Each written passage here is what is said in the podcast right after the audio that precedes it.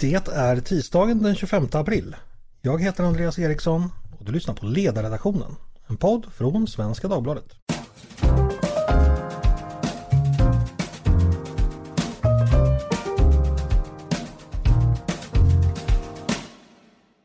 Varmt välkomna till oss igen. Det verkar som om vårsolen har flyktat för tillfället men vi ska försöka hålla oss glada ändå. Och det underlättas ju inte minst av att just idag så är det en av, ännu en av de där dagarna som min kollega Peter Wennblad vill göra till allmän flaggdag. Nämligen lönedag. Nog sagt om detta. Eh, vi ska gå in på dagens ämne. I förra veckan så läste jag en debattartikel i Expressen som fångade mitt intresse. Politiskt hysteri att stå upp för bokbränning löd rubriken. Och den handlar som de flesta kanske redan gissat om Rasmus Paludans ovana att elda upp Koranen vid varje möjligt tillfälle. En ovana som är starkt ogillad av nästan alla men dock laglig och många har också försvarat hans rätt att elda. Bakom den här artikeln står Gunnar Hökmark, mångårig moderat politiker på riks och EU-nivå. Numera bland mycket annat ordförande för Tankesmedjan Fri Värld och motorn bakom måndagsrörelsen till stöd för Ukraina. I den här texten argumenteras det mycket kortfattat för att bokbränning inte är yttrandefrihet. Jag har sett en hel del eh, människor reagera på detta. Ämnet är ju förstås fortsatt kontroversiellt efter vinterns händelser och inte minst upploppen förra våren. Så jag tänkte vi skulle försöka dyka lite djupare i den här frågan. Är det självklart att bokbränning är en gärning som kan likställas med ett yttrande och därmed bör skyddas av vår vidsträckta yttrandefrihet? Vilka argument finns emot? Vilka har Gunnar där? Och hur lutar det berömda planet åt respektive håll? Vill den som förbjuda, vill förbjuda bokbränning även förbjuda annat? Det här tror jag är en fråga som många borgerligt sinnade är fundersamma över och det finns kanske en hel del av er där ute som känner er kluvna. Så, dags att prata om det idag och med mig har jag förstås Gunnar själv. Varmt välkommen Gunnar! Tack så mycket! Och Sakine Madon, politisk chefredaktör på UNT. Välkommen du också! Tackar, tackar! Känd och rutinerad debattör när det gäller yttrandefrihet får man väl säga. Eh, Gunnar, jag ska börja med dig. Nu, nu sammanfattar jag dig mycket summariskt så du ska få breda ut det lite mer. Eh, hur, hur, lyder din argumentation i den här debattartikeln som jag refererar till? Vad är det, vad är det du vill säga? Ja, för det första har jag inte sagt att man ska förbjuda människor att bränna vare sig böcker i allmänhet eller, eller Koranen eller någon helig skrift i, i synnerhet. Jag har bara sagt att bokbränning i sig är inte ett uttryck för yttrandefrihet som därmed måste vara lagligt eller acceptabelt överallt där det sker. Okej. Okay. Eh, I, i, I, min uppfattning så självfallet så får du lov att bränna en, eh, en bok. Men jag tycker att, och det är det viktiga i den här diskussionen, att vill man värna yttrandefriheten så måste man göra skillnad mellan det som är yttrandefrihetens kärna och det som är dess olika former.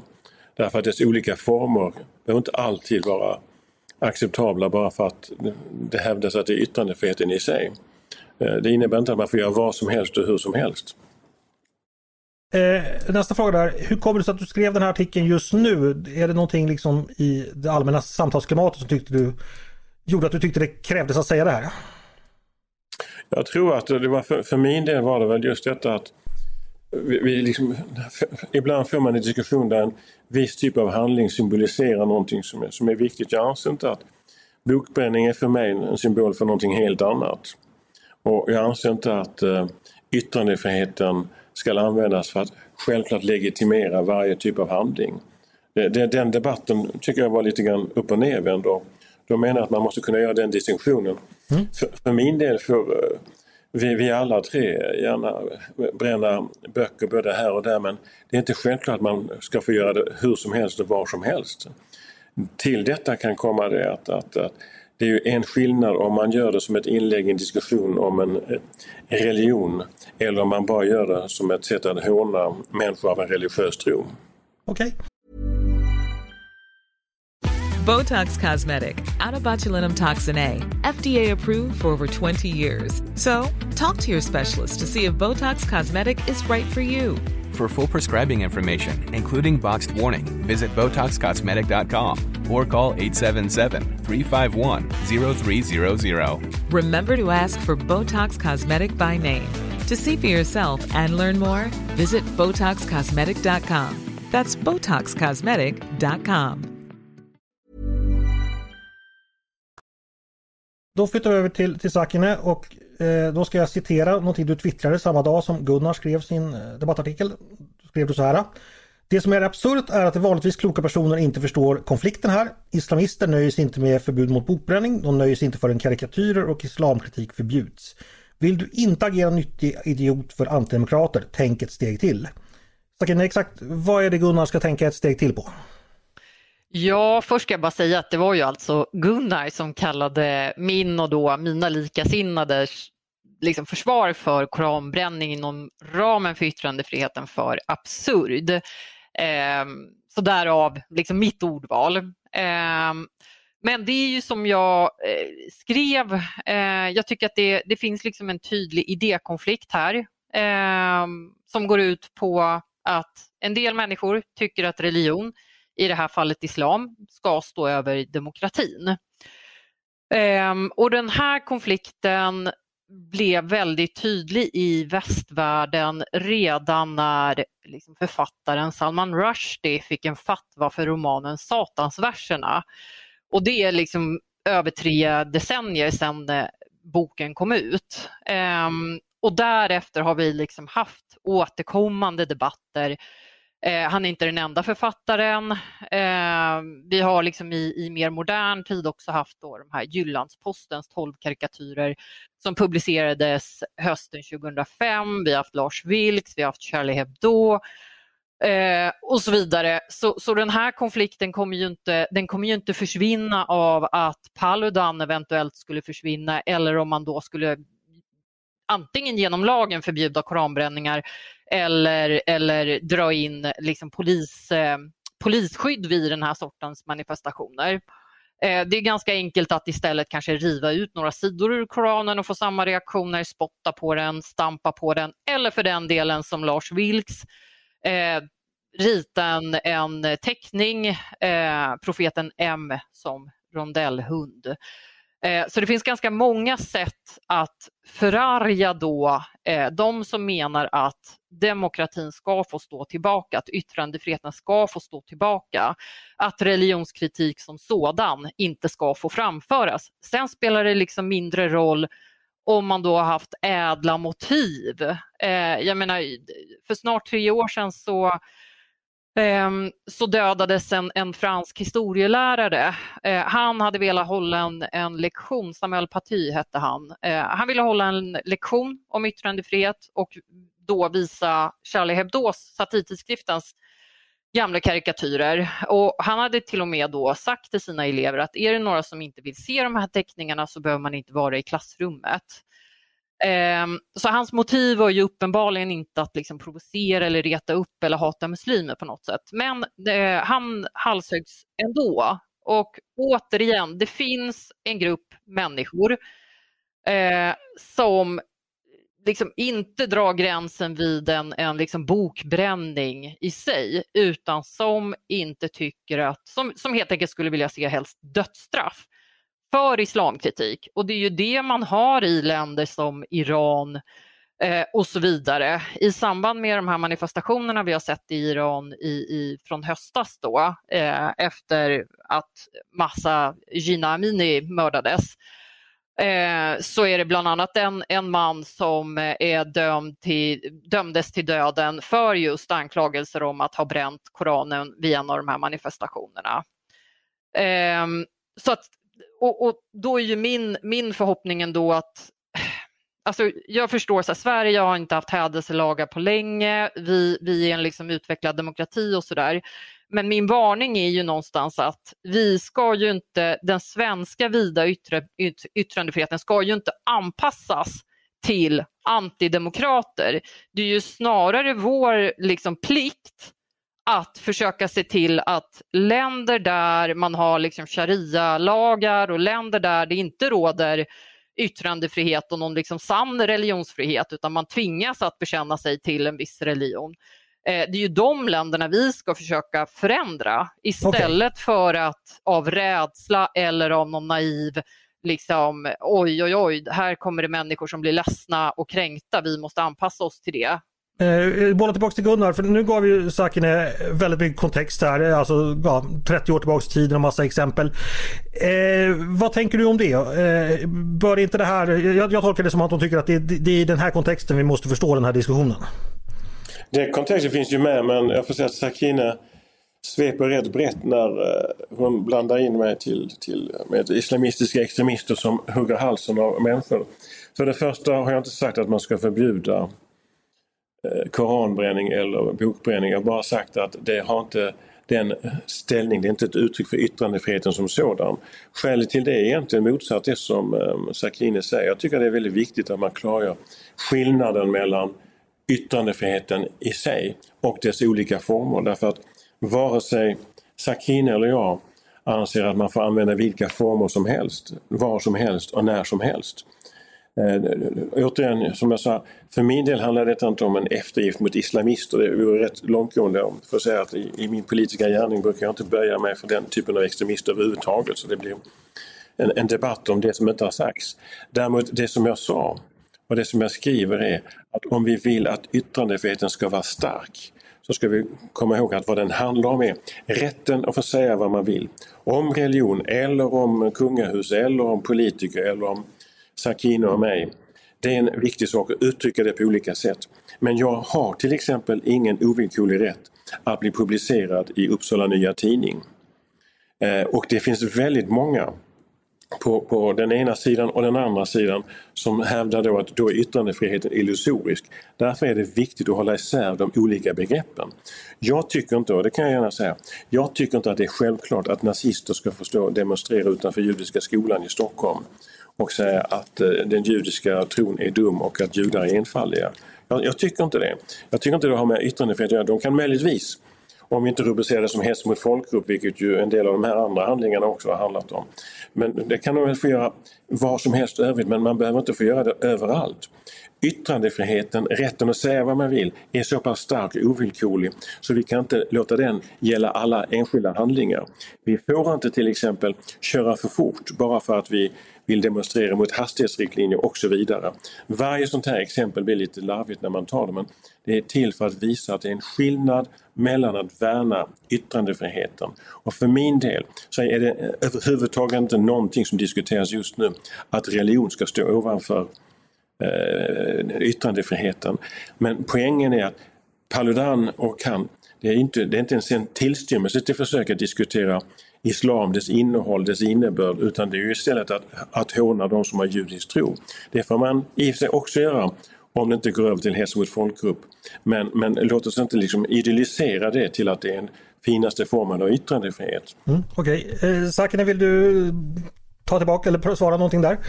Ja absolut, alltså Paludan är ju, han har ju faktiskt tidigare dömts för hets mot folkgrupp men eh, vilket det har rått lite förvirring om i den svenska debatten, det har inte varit för att han har bränt Koranen utan det har varit för tidigare rasistiska uttalanden. Alltså då, och då menar jag domar i, i Danmark. Eh, men, men lagstiftningen, alltså jag har ju inte mycket till övers för, för Rasmus Paludan. Eh, men lagarna, alltså vår yttrandefrihet är ju det, det, handlar ju aldrig om liksom någon, någon ska ha liksom tillräckligt fina idéer eller, eller protestera på ett fint sätt. Utan yttrandefriheten är ju till för att även skydda uttalanden, uttryck från personer vi tycker bär de mest liksom avskyvärda, osmakliga, vulgära åsikterna eller, eller sätten att uttrycka det på.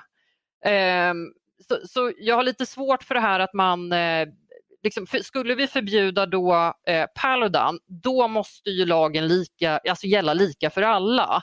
Och jag tror att vi skulle känna större sympati för, låt säga, någon som är uppvuxen i, i liksom Knutbysekten här i Uppland eh, som väljer att bränna en bibel eller ta sönder ett kors eh, eller för den delen eh, liksom en homosexuell person som har flytt från islamistiskt förtryck eh, som bränner Koranen. Men det går ju inte att välja och plocka på det sättet. Eh, antingen har vi yttrandefrihet och då måste den gälla lika för alla eller så eh, inskränker vi yttrandefriheten för några.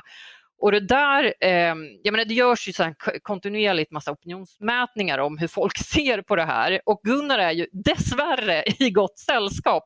Det kom ju en mätning tidigare i april, eh, DN Ipsos, som visar att 51 procent vill eh, förbjuda eh, koranbränningar vid den här typen av manifestationer. En stor grupp vill förbjuda kränkande manifestationer.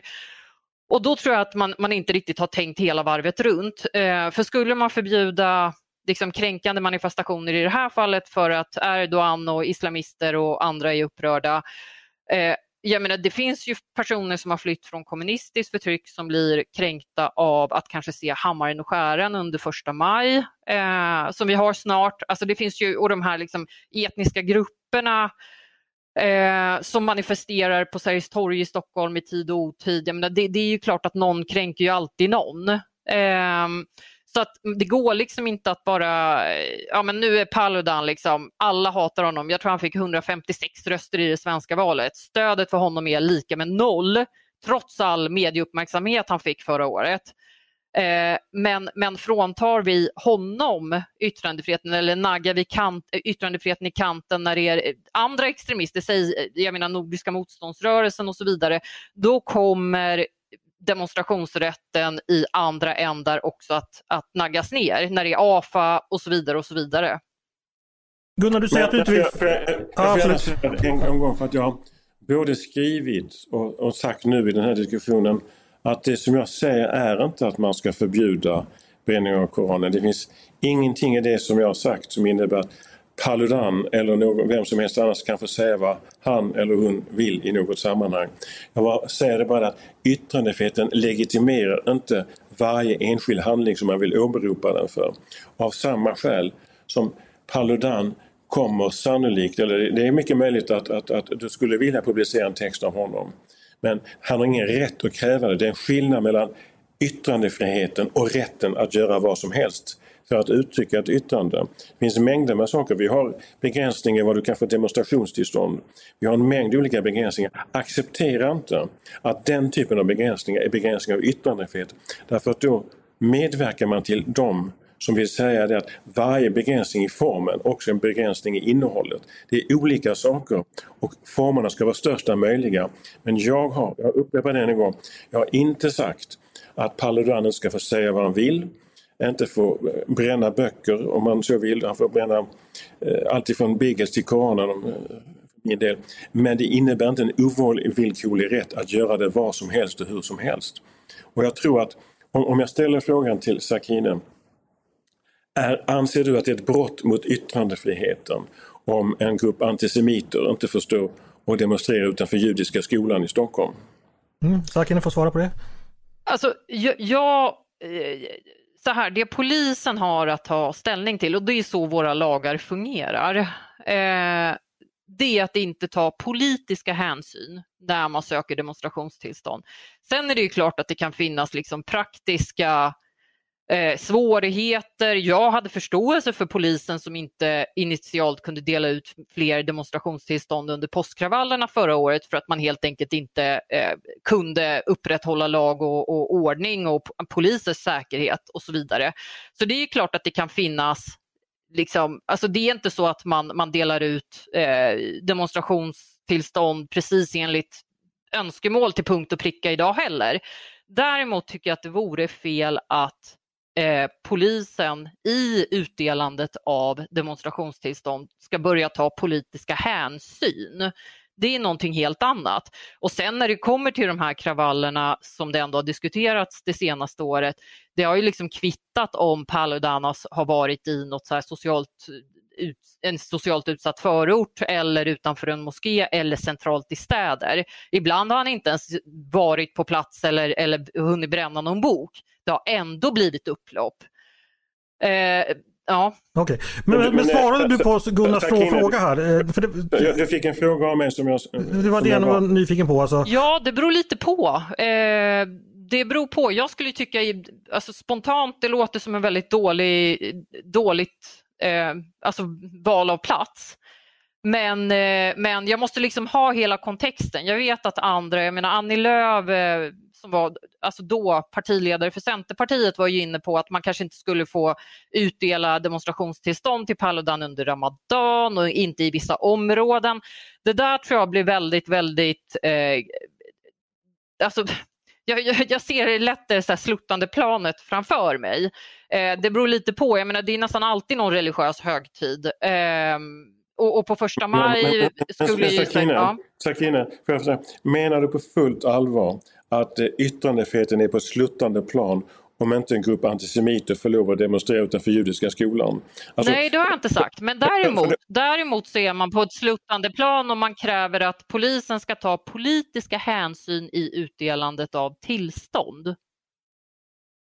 Ja, men vad är det de gör i så fall? När man nekar dem eh, utanför judiska skolan? Är det, är det ett fall som har hänt eller vad? Nej, jag eller tror det är ett konstruerat fall. Teoretiskt plan? Ja. Vi kan väl använda det här som teoretiskt fall för det är väl liksom det svårste för oss ja. yttrandefrihetsvänner. Jag skulle inte tycka ta. att yttrandefriheten var hotad. Redan idag, jag, är en poäng jag försöker säga här, redan idag är det inte så att du får eh, demonstrationsrätt precis överallt eh, där du ansöker om det. Det är ju jätteofta så att polisen eh, antingen ändrar tid, man, man tar ju hänsyn till en rad olika faktorer. Men min poäng är att det blir klurigt om man ska säga att ja, men på grund av att det är en religiös högtid eller på grund av att människor tycker att just den här gruppen är så fruktansvärd så måste man in och justera eller, eller sätta, sätta manifestationen ute på en åker. Det är det argumentet jag vänder mig mot. Okej, okay, jag ska fråga Gunnar en sak. För du skriver ju också så här att, eh, nu citerar jag dig, och skulle vi definiera länder med blasfemilagstiftning som ofullfria har förlorat realitychecken om då Sverige skulle införa lagar då att man exempelvis inte får, får eh, smäda Gud eller profeter eller personer i Bibeln eller göra någonting med det. Nog vore det väl ändå ett steg mot ofrihet? Eh, eh, betydande inskränkning i yttrandefriheten ifall vi skulle gå så långt. Ja, och jag tycker inte man ska göra det. Jag bara konstaterar det att om man ska hålla liksom på den stora, st stora bilden så det är klart att Finland är ett land med yttrandefrihet. Sverige var ett land med yttrandefrihet när vi hade den typen av lagstiftning. Men det innebär inte att jag tycker att man ska införa blasfemilagstiftning. Det är lite skillnad på, på, på riktning och belägenhet. Att införa, alltså att behålla en gammal lag. Kan... Jag håller med, håller med det och, och än en gång, jag tycker inte man ska införa blasfemilagstiftning i Sverige. Men däremot så tycker jag att man måste alltid, och det är det som polisen gör i en lång rad olika fall och som eh, Sakine håller med mig om, att man också diskuterar var är det lämpligt att vissa yttranden ska göras. Och det är klart att jag, jag kan ju inte se att hela poängen med när Paludan åker ut till en förort dominerad av muslimer så det är ju inte för, för att föra en diskussion om islams innehåll som han är där utan han är ju där för att förklara, uttrycka sitt hån och förakt mot dem. Och vi har också en lagstiftning i, i Sverige som handlar om förbud mot hets mot folkgrupp. Mm. Men, men, men Gunnar, kan du inte tänka dig att någon bränner Koranen för att just, som Sakine säger, man har själv varit förtryckt och kommer från ett religiöst förtryck. Och man väljer att bränna Koranen som en protest på det, precis som man bränner, har bränt bh som symboler för, för patriarkatet och så vidare. Just det. Men, men om man gör det utanför, om vi tar nu turkiska ambassaden. Så det är, inte, det är en sak om du demonstrerar mot Turkiet och har synpunkter på den turkiska politiken, eh, konstitutionen eller eh, Turkiets olika konflikter och kodfrågan och mycket annat. Men, men, när det handlar om att bara uttrycka förakt mot den folkgrupp som är muslimer så är det en annan sak. Återigen, jag säger att det kan du få göra men du, jag menar att du har inte den ovillkorliga rätten att göra allting var som helst. Och men det, är ju så, så ja, det håller ju med. Ja, men det är så intressant nu när du nämner Turkiet. Eh, för under, under påskkravallerna, eh, då sa ju Ulf Kristersson att kriminella gäng och ligister aldrig skulle få kväsa yttrandefriheten. Då var det jätteviktigt att stå upp för Paludans rätt att bränna Koranen. Men sen kom ju vår NATO-process eh, med i bilden. Och på sistone så har ju tidigare utrikesminister Carl Bildt, tidigare försvarsminister Mikael Odenberg, eh, då, nu, nu börjar man liksom argumentera för begränsningar av koranbränningar. Sen behöver det inte vara eh, Bildt är ju för mer alltså, lagförbud, även om Gunnar inte är det. Men på olika sätt vill man förhindra den här ty typen av, av yttranden. Och jag undrar ju verkligen, vad var alla de här erfarna moderata politikerna under påskkravallerna. Varför är det så otroligt viktigt nu att problematisera det Paludan gör? Ja, Gunnar kan ju inte svara för alla moderata eh, politiker så. Eh, eh, eh eller Gunnar, vill, vill du svara? Ja, det finns inget monster under sängen här, ingen djup konspiration utan det kan hända att olika människor jag vet faktiskt inte riktigt vad eh, Odenberg har skrivit och heller inte vad Bildt har skrivit. Jag vet att Bildt skrev någonting någonstans men jag vet inte exakt vad. Men, men för min del, alltså, jag tyckte mycket illa om att eh, Paludan skulle hålla på i, i de bostadsområden han var för det var ju bara en fråga om hån. Eh, men, men, men, så länge man får det så är det helt klart att eh, de extremister som försökte bekämpa polisen, det är helt oacceptabelt. Och för min del handlar inte detta om att vika sig för, för någon, någon jävel som försöker tvinga på andra sin, sin uppfattning. Men däremot eh, återigen göra en distinktion mellan det som är yttrandefrihetens kärna och det som är dess olika former. Den ovillkorliga, det ovillkorliga försvaret och värnet av yttrandefriheten innebär inte ett ovillkorligt försvar att uttrycka sig var som helst, hur som helst och när som helst. Och i, i den delen har vi kommit varandra närmare under den här diskussionen. Men, men en intressant skiljelinje är ju ändå, jag tror att det är väldigt, väldigt viktigt att man skiljer på just då skändat, skändandet av en, en religiös bok. Eh, man måste vara fri i ett samhälle att kunna hata religion.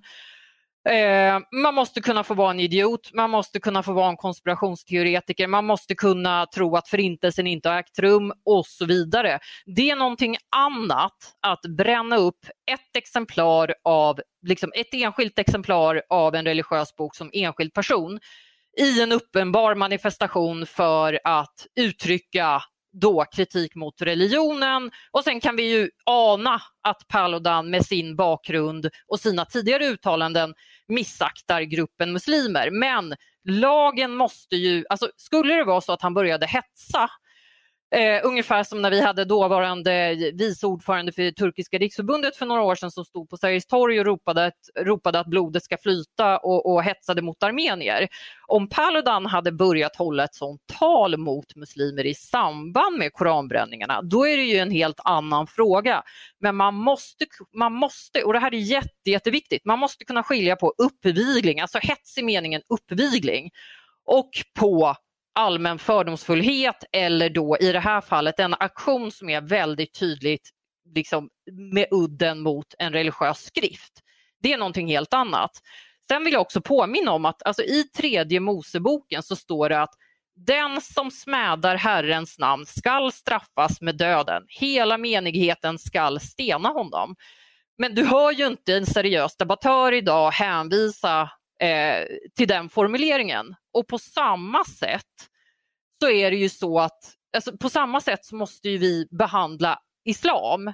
Men där så fort det kommer till liksom en Mohammed-karikatyr eller i det här fallet koranbränningar eller liksom islamkritik av något slag, något som kan uppfattas som islamkritik, människor blir arga, då helt plötsligt så tappar vanligtvis kloka, förståndiga människor fotfästet och tror att nej men det finns ingen annan utväg än att anpassa oss till det här.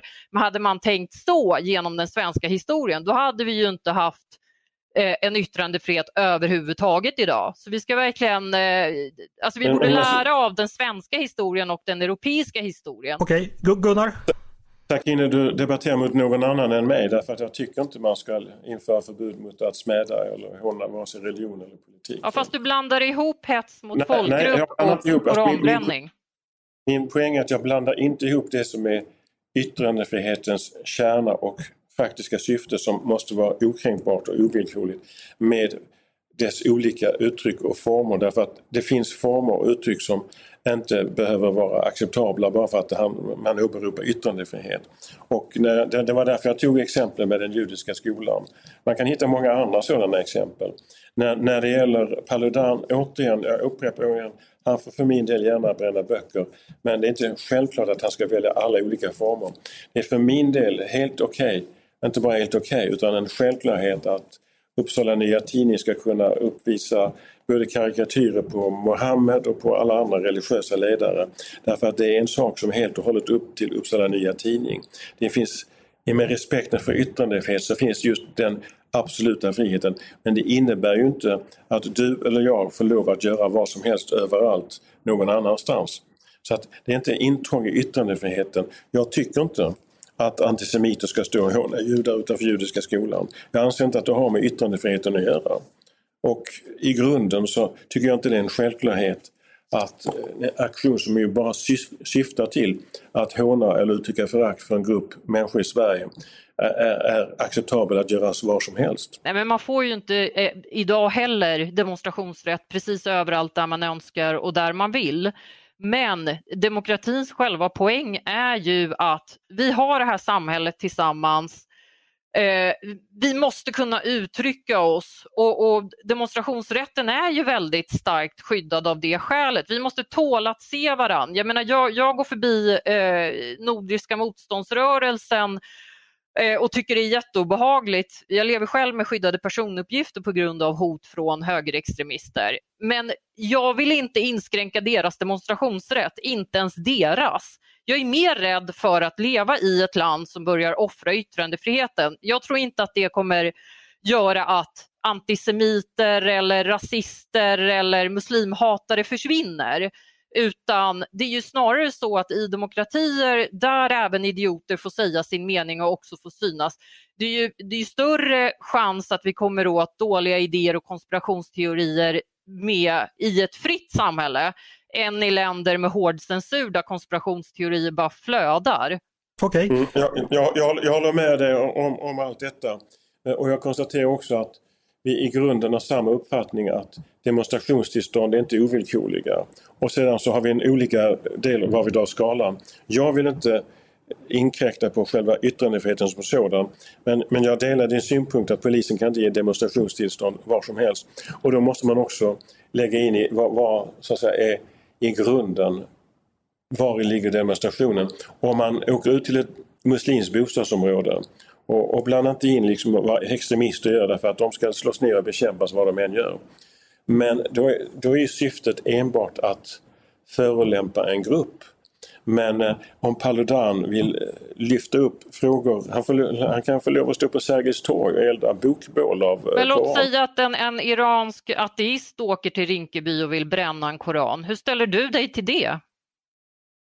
Eh, ja, då, då skulle jag nog sannolikt avråda möjligtvis. Men, men det, det, då, då får man väl göra en bedömning både av säkerhetsläget och, eh, och vad som eh, är det rimliga. Om, så att säga, ja, men det är ju det här sluttande planet jag pratar om. Det börjar ju med, med Paludan men, men du glider ju lätt in i hin, alltså, är man för att, yttrandefrihetens, att yttrandefriheten ska naggas, att polisen ska ta 70 olika liksom, hänsyn i utdelandet av demonstrationstillstånd, då kommer det ju i slutändan också drabba människor som liksom, väldigt många okay, snarare skulle men sympatisera låt Gunnar med. svara på det här. Ateisten som vill, vill protestera mot religion som har varit förtryckt av religion och väljer det här sättet att bränna en symbol för religionen. Är det också inte heller yttrandefrihetens kärna så att säga Gunnar? Nej, nej yttrandefrihetens kärna är det inte ju. Därför att han eller hon får lov att säga vad som helst om, om islam och eh, också, också bränna eh, Koranen eh, på de flesta ställen. Om det däremot är lämpligt det överlåter jag i så fall till, till, till polisen därför att det är som Sakine säger att det är en fråga om vad det är lämpligt att få demonstrationstillstånd. Okej, okay. nu har båda, eh, jag vet inte om ni har närmat er varandra men ni har ju båda kommit med, med väldigt bra argument. Eh, ni ska få en sista liten replik vardera säga vad ni tycker det är viktigast att lyssnarna tar med sig från den här diskussionen som sammanfattar det hela. Gunnar, vill du börja? Jag tror att det finns väldigt många grupper som hävdar att så länge man inte får säga vad man vill var som helst, bli publicerad i public service till exempel eller i eh, andra tv-kanaler så hävdar de att man går deras yttrandefrihet för när. Det anser jag är fel och därför så tycker jag det är farligt om man likställer formerna med hur man uttrycker sig med yttrandefrihetens innehåll. För min del så är jag, jag så säga, i varje politisk gärning jag håller på med har jag slagit vakt om yttrandefriheten. Men det innebär ju inte att man sen också måste se hur verkligheten är och när det inte handlar om yttrande utan när det handlar om att eh, inte acceptera någonting som till exempel skadar människor. Därav mitt exempel med eh, antisemiter utanför den judiska skolan. Eh, folk får säga vad de vill men det innebär inte en obetingad ovillkorlig rätt att göra det var som helst, hur som helst och när som helst. Tack för det och Sakine, motsvarande sista replik från dig. Ja, ehm, om jag inte har hunnit säga det redan så det är, liksom, det, det är en stor skillnad på såna här förtryckarstater som arrangerar bokbål i syfte, alltså som ett led i, i folkmord och på att enskilda bränner en religiös skrift. Eh, och som sagt, det finns människor i länder som Iran som döms till döden för att de då anklagas för att ha bränt Koranen. Eh, och, och, den kontexten finns och går inte att liksom komma ifrån. Eh, sen är ju min poäng att eh, liksom, Sverige och många andra länder har haft lagar och regler som gjorde det strängt förbjudet att ifrågasätta makten. Och på den tiden var makten kungen och, eh, och eh, kyrkan eh, och även regeringen senare.